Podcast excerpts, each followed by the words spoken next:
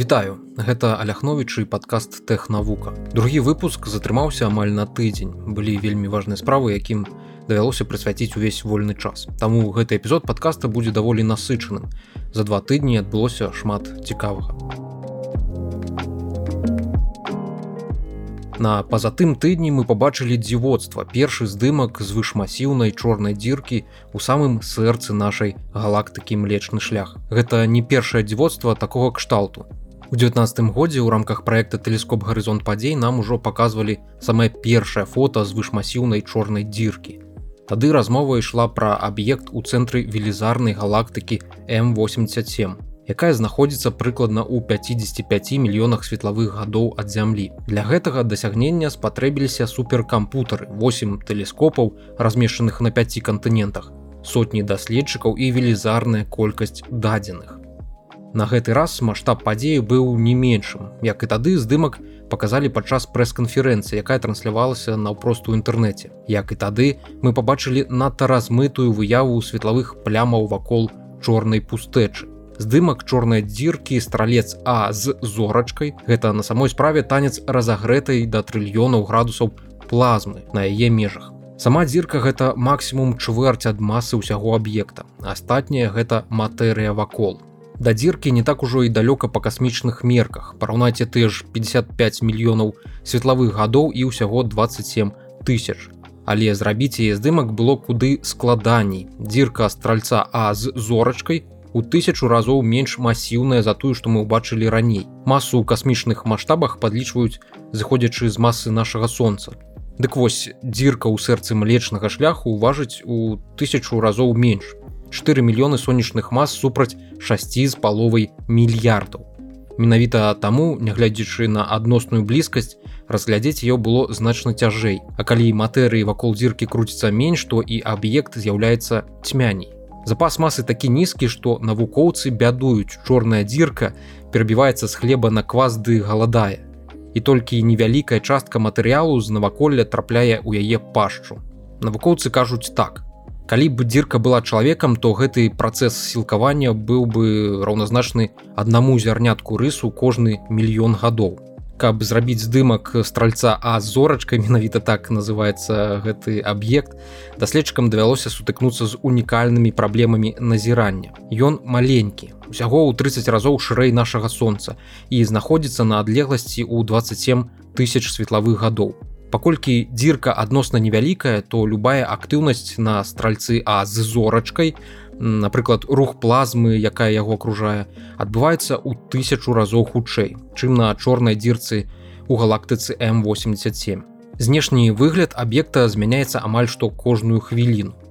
На апрацоўку ўсіх дадзеных фотаздымка ў мінулы раз патрацілі два гады на апрацоўку гэтага здымку спатрэбілася 5 то бок назіранне і м87 і стральца а з зорачкай адбываліся ў адзін і той жа час 8 тэлескопаў здымалі стральца а з зорачкай на працягу 10 начэй запар. Тэлескоп гарызонта падзей выкарыстоўвае тэхніку пад назвай інтэрферметрыя вельмі доўгай базы, каб атрымаць свае фотаздымкі.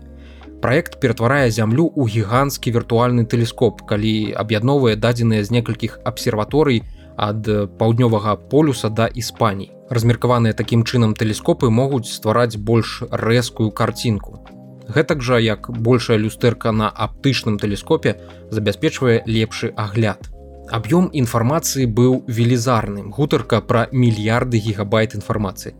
Адна справа ў гэтым усім разабрацца і зусім другая банальна пераслаць гэтыя файлы навукоўцам, якія умеюць разбірацца. Гэта табе не калумбава яйка на стол паставіць. Файлы былі вельмі вялікімі, каб адпраўляць іх праз інтэрнэт. Агулам, три з паловай петабайтаў дадзеных нешта кшталту 100 мільёнаў відосаў з тиктока замест гэтага больш за тысячу цвёрдых дыскаў былі фізічна перавезены ў две апрацоўчыя установы. Адна у абсерваторыі хайстек для амерыканскага бостона а другая у інстытуце радыёастраноміі макса планка ў германії там кампілявалі сігналы рабілі каліброўку распрацоўвалі і прымянялі алгарытмы для апрацоўкі атрыманых файлаў. Каб з сырой інфармацыі атрымаць здымак. Каб атрымаўся сапраўды дакладны здымак максімальна хутка за адзін кадр, трэба было б пабудаваць тэлескоп памерамі зямлю але такой магчымасці у нас пакуль што няма. Таму пакуль увесь працэс навукоўцы апісваюць так. Мы слухаем песню якую граюць на фартэп'яна у якога адсутнічае шмат клавіш. Тут яшчэ трэба зазначыць што тэлескопы назіралі за стральцом а з зорачкай на даўжыні хвалі 1,3 міліметра а не на хвалі бачнага чалавеку святла. Гэта дазволіла астраномам зазірнуць скрозь гарачы газ які атачае звышмасіўную чорную дзірку. Але таксама забяспечыла неабходнае распазнаванне каб выявіць цень ад яе гарызонту падзей. Кропку з якой святло не можа вырвацца. Цікава што з таго часу як заўважылі першы намёк на іставання звышмасіўнага аб'екта ў цэнтры нашай галактыкі прайшло амаль стагоддзя пазней назіранні выявілі магутнае радыёвыпраменьванне з гэтай кропкі. Гэта казала пра нейкі масіўны але кампактны аб'ект мажліва чорную дзірку што былі прадказаны агульнай тэорыяй адноснасці эйнштейна Ужо ў сучаснасці з'явілася хоць і ўскоснае, але вельмі дакладнае назіранне, якое упэўніла навукоўцаў. Дакладна, там павінна нешта быць, бо зоркі там вакол чагосьці круцяцца. У прыватнасці зорка, названая С2 мае 16гадовую эліптычную арбіту, за якой навукоўцы змаглі прасачыць цалкам. Зараз мы убачылі гэта выразна. Прайшло нейкіх 100 гадоў і сэрцам лечнага шляху мы бачым на ўласныя вочы. 9 траўня на расійскі аналаг відэахостынга YouTube Рутюб была здзейснена кібератака, якая прывяла да адключэння на некалькі дзён сайту сервіса. Атаку называлі самай моцнай за ўсю гісторыю пляцоўкі. Было пашкоджана больш за 75соткаў баз і інфраструктуры асноўнай версіі і 90соткаў рэзервовых копіяў і кластараў для аднаўлення баз дадзеных недзе праз тры дні сайт узнавіў сваю працу але не ўсе яго магчымасці былі даступныя карыстальнікам. Два з паловай тыдні спатрэбілася для таго каб аднавіць сервіс на 99 і 9соткаў функцыянальнасці астатнія распрацоўшчыкі сервіса абяцаюць аднавіць до конца гэтага тыдня. 11 траўня адказнасць за атаку ўзялі на сябе прадстаўнікі хакерскай групоўкі ананімус яны заявілі што рутуб магчыма знік назаўсёды. Але адміністрацыя відахостынгу адмаўляла што зыходны код сайта быў выдалены і не падлягае аднаўленню.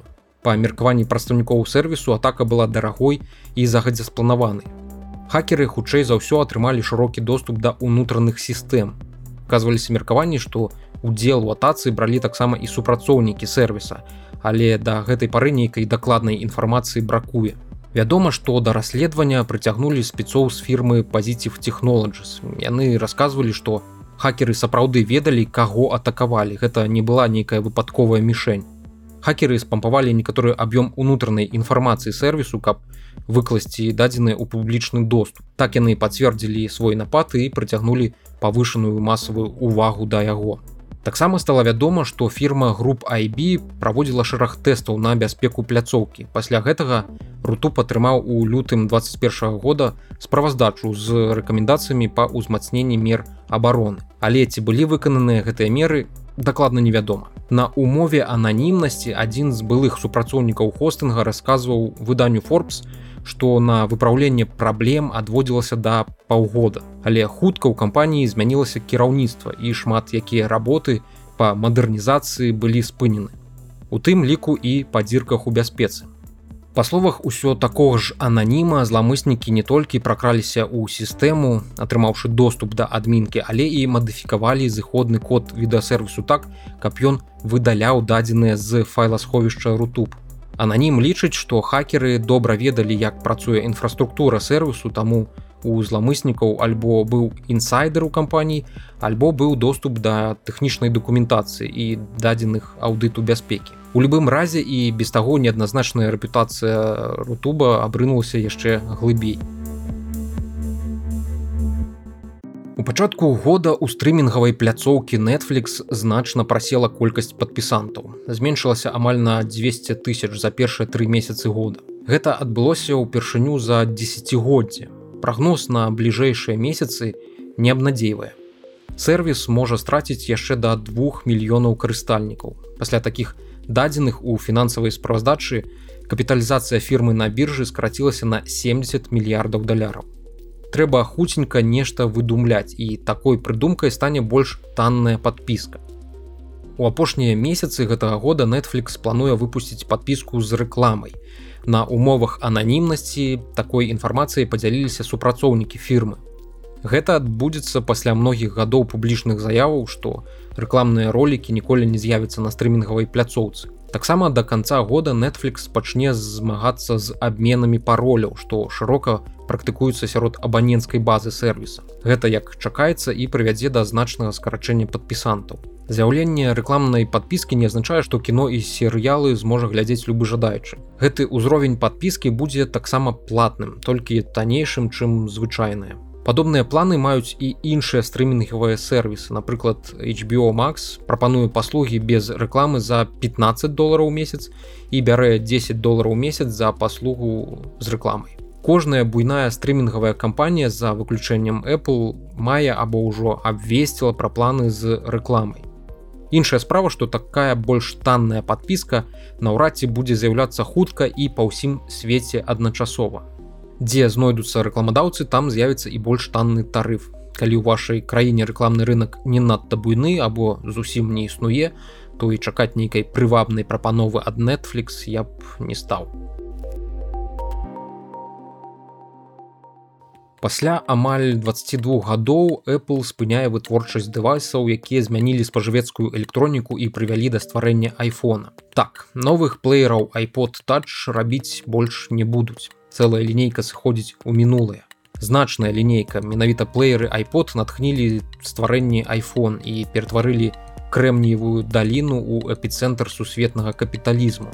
Першы iPod прадставілі ў 2001 годзе. З таго часу прадалі больш за 450 мільёнаў розных мадэляў плеера. З іх у мінулым годзе было прадана 3 мільёны. Гэта кропля ў моры, у параўнанні з 250 мільёнамі смартфонаў якія за той жа час продала кампанія у гэтым хутчэй за ўсё і хаваецца адказ на пытанне А чаму уласна трэба спыняць вытворчасць плеераў яны давно ўжо шырокаму колу спажыўцоў не патрэбны а апошні iPod touch дык зусім ва ўсім падобны да звычайнага айфона толькі што яму бракуе магчымасцяў сотавай сувязі тым не менш iPod Мабыць быў першым значным поспехам Apple на масавым рынку У ім спалучыліся неперасяжны прамысловы дызайн, апаратная інжынерыя, праграмнае забеспячэнне і паслугі. Apple выйшла на гэты рынок амаль апошняй, але усе адно перамагла. Першыя лічбавыя музычныя плееры пачалі з'яўляцца ў канцы 90-х гадоў. Самыя раннія версіі маглі утрымліваць некалькі дзясяткаў песень, што дазваляла людзям, якія ў раннія гады капіявалі кампакт-дыскі на свае камп'ютары пераносіць гэтыя песні ў свае кішэні. Джобс, што вярнуўся ў Apple пасля доўгага выгнання, бачыў у гэтай новай катэгорыі магчымасць надаць сучаснай прывабнасці стараючаму камп'ютарнаму бізнесу кампаніі. У японскай ташыбы інжынеры Apple адшукалі новую распрацоўку жорсткі дыск, які мог утрымліваць да тысячы песень і пры гэтым быў суперкампактны. У гэты ж час Apple набыла кампанію звязаную з софтам для mp3, які стаў асновай для iTunes лічбавага музычнага аўтамата, дзе людзі набывалі музыку, арганізоўвалі свае бібліятэкі і перадавалі песні на iPod.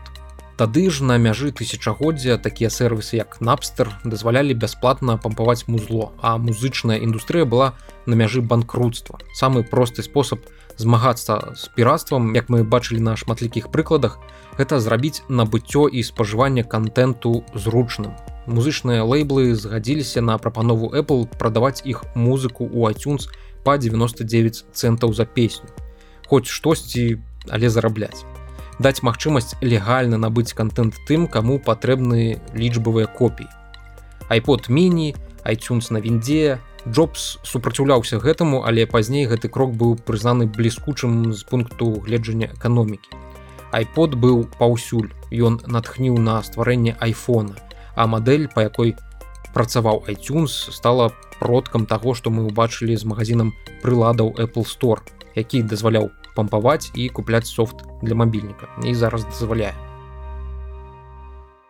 здаецца Ілон маск ацвярозіў і нарэшце сцяміў што ў выпадку з твиттером ён носіцца як дурны з дзвярыма я ўжо казаў што такое даражэзнае набыццё за 44 мільярды даляраў зусім не суадносіцца з тымі доходамі і прыбыткамі якія дэманструе гэтая соцсетка. Ну гэта просто каціныя слёзы так маск расказваў направа і налево што збіраецца падвоіць патроіць і амаль што не ў космас запуліць эканоміку твиттера. Але зараз падаецца ён здае назад. Спярша была інфа што ён шукае інвестыцыйныя фонды і заахвочвае знаёмых далучыцца да угоды і раскідаць выдаткі неяк больш-менш па-братэрску а зараз і зусім заявіў што угода на паўзе Маск вырашыў, што твіттеру трэба паказаць яму доказы таго, што на пляцоўцы сярод зарэгістраваных карыстальнікаў менш за 5соткаў з'яўляюцца ботамі. Па яго падліках гэты адсотак куды больш. Прынамсі сярод тых, хто падпісаны на яго аккаунт. Зрэшты, гэта і не дзіўна, бо маск актыўна пісаў пра крыптавалюты, а ў гэтай сферы шмат скаму і боту.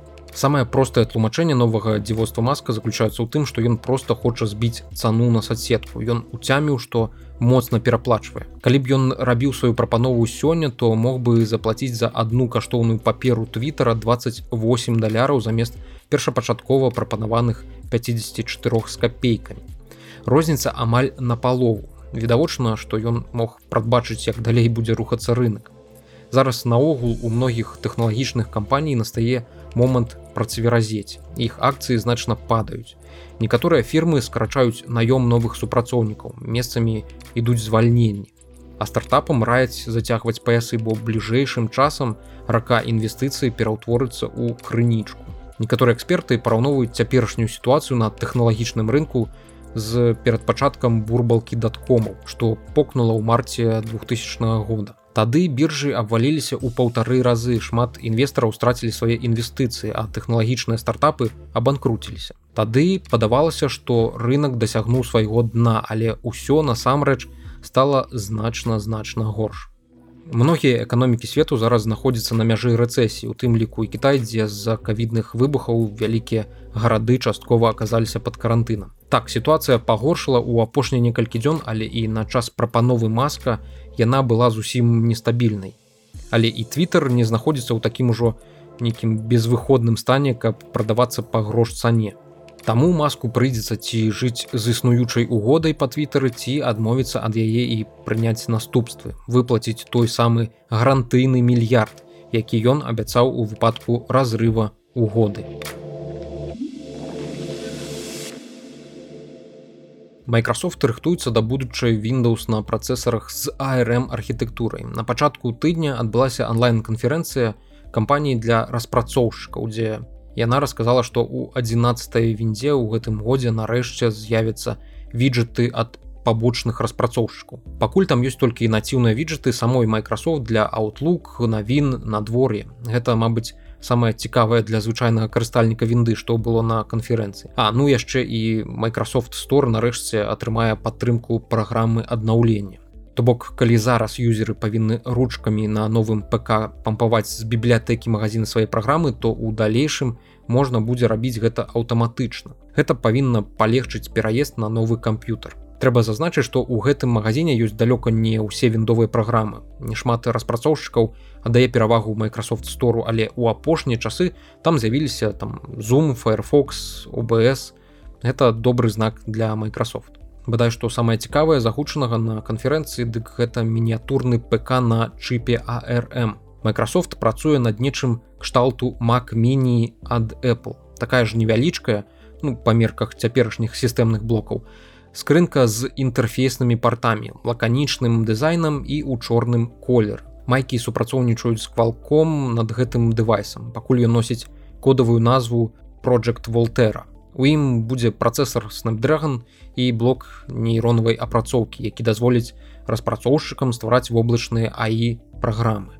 Уласна на штучным інтэлекце і машынным навучанні гэты дэвайс і будзе засяроджаны. Цікава што гэтыя невялічкія камп'ютары можна будзе ставіць адзін на аднаго. Цэлую вежу можна будзе пабудаваць на сваім працоўным стале, але не зусім зразумела, у якім фармаце цаглінкі такой вежы будуць працаваць разам.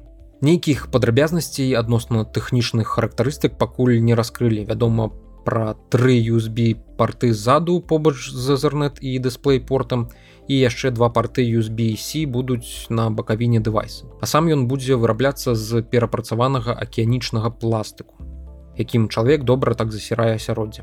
Зараз на рынку можна набыць лаптопы і планшеты на Windows, якія працуюць на ARM. Тое, што некалі было выключна сэрцам для мабільнікаў, зараз выходзіць на новы ўзровень.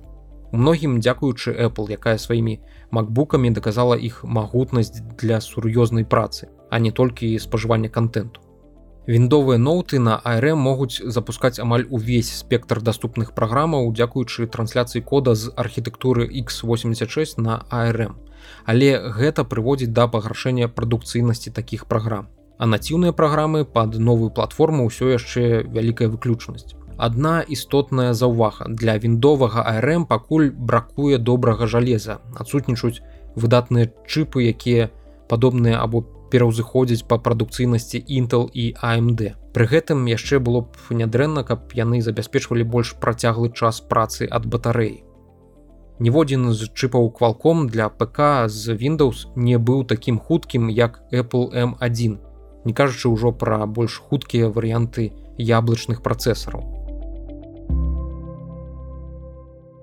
Па ўсім свеце распаўсюджваецца новая інфекцыя, нібыта старой нам было мала. Малпавая воспа. Па стане на 24 траўня вядома пра 131 пацверджаны выпадак. Яшчэ 106 чалавек падазраюць у гэтым захворванні. Выпадкі зафіксаваны ў еўрапейскіх краінах для якіх раней гэта інфекцыя не была ўласцівай ну таксама у паўночнай амерыцы і аўстраліі.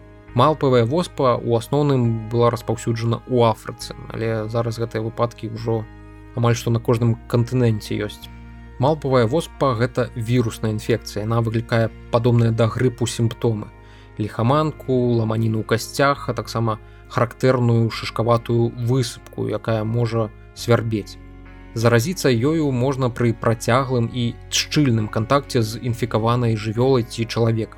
Ён цесна звязаны з вірусам, які выклікае воспу, але працякае менш цяжка. Большасць людзей ачуньвае праз некалькі тыдняў нават без лячэння. Але захворванне ўсё адно можа быць смяротным. Цяперашняе як падаецца навукоўцам можа быць смяротным у адным адсотку выпадкаў. Паходжанне гэтай канкрэтнай успышкі незразумела і навукоўцы шукаюць ключы да тлумачэння яе распаўсюджвання. Першы выпадак гэтай успышкі быў зарэгістраваны ў великкабрытаніі у чалавека які нядаўна вярнуўся з нігерыі дзе на думку брытанцаў ён і падхапіў гэты вірус ці варта нам турбавацца? Хоць рызыка для насельніцтва застаецца вельмі нізкай але сас занепакоена тым што людзі могуць распаўсюджваць вірус нават неўсвядомлена пры кантакце з іншымі людзьмі. Паколькі больш лёгкія выпадкі захворвання могуць заставацца незаўважнымі. Малпавая воспа менш заразная чым той жа каранавірус. Таксама магчыма што маладыя людзі якія не былі прышчэплены ад значна больш смяротнай воспы выкарненай дзесьці ў канцы 70-х гадоў могуць быць больш успрымальныя да гэтай сваячкі воспы малпу. Вакцыны супраць воспы эфектыўныя прынамсі на 85соткаў для прадухілення гэтай малпавай воспы. У ЗША нават на запасілі дастаткова вакцын супраць воспы каб вакцынаваць усё насельніцтва. Аднак гэта радыкальны крок які можа і не спатрымацца калі цяперашні ўсплёск воспы атрымаецца паспяхова стрымаць. Гэта выпрабаванне для глобальнага супрацоўніцтва, якое шмат у чым будзе залежыць ад тых урокаў, якія мы вынеслі з кавіда. Як і мінулым разам да новай інфекцыі паспелі прыплесці білагейца, канспірологі з твіттеру пабачылі яго мінулагодняе інтэрв'ю, дзе ён казаў, што наступная эпідэмія можа быць куды больш небяспечная за кавід. Там фігуравала якраз такі слова воспа. Супадзенне па меркаванню канспіролагаў такіх супадзенняў не бывае. Ім вельмі цяжка зразумець, што такія супадзенні гэта банальная логіка і веды пра тое, як працуюць эпідэміі і якога кшталту яны бываюць. Для мяне наогул вялікае расчараванне, што пры ўсёй даступнасці навуковай навучна-папулярнай інфармацыі ў сеціве вялікая частка людзей ідзе па шляху найменшага супраціўлення і не хоча напружыць мазгі. На гэтым усё дзякуй за ўвагу спадзяюся што пабачымся ўжо праз тыдзень мажліва на наступных выходных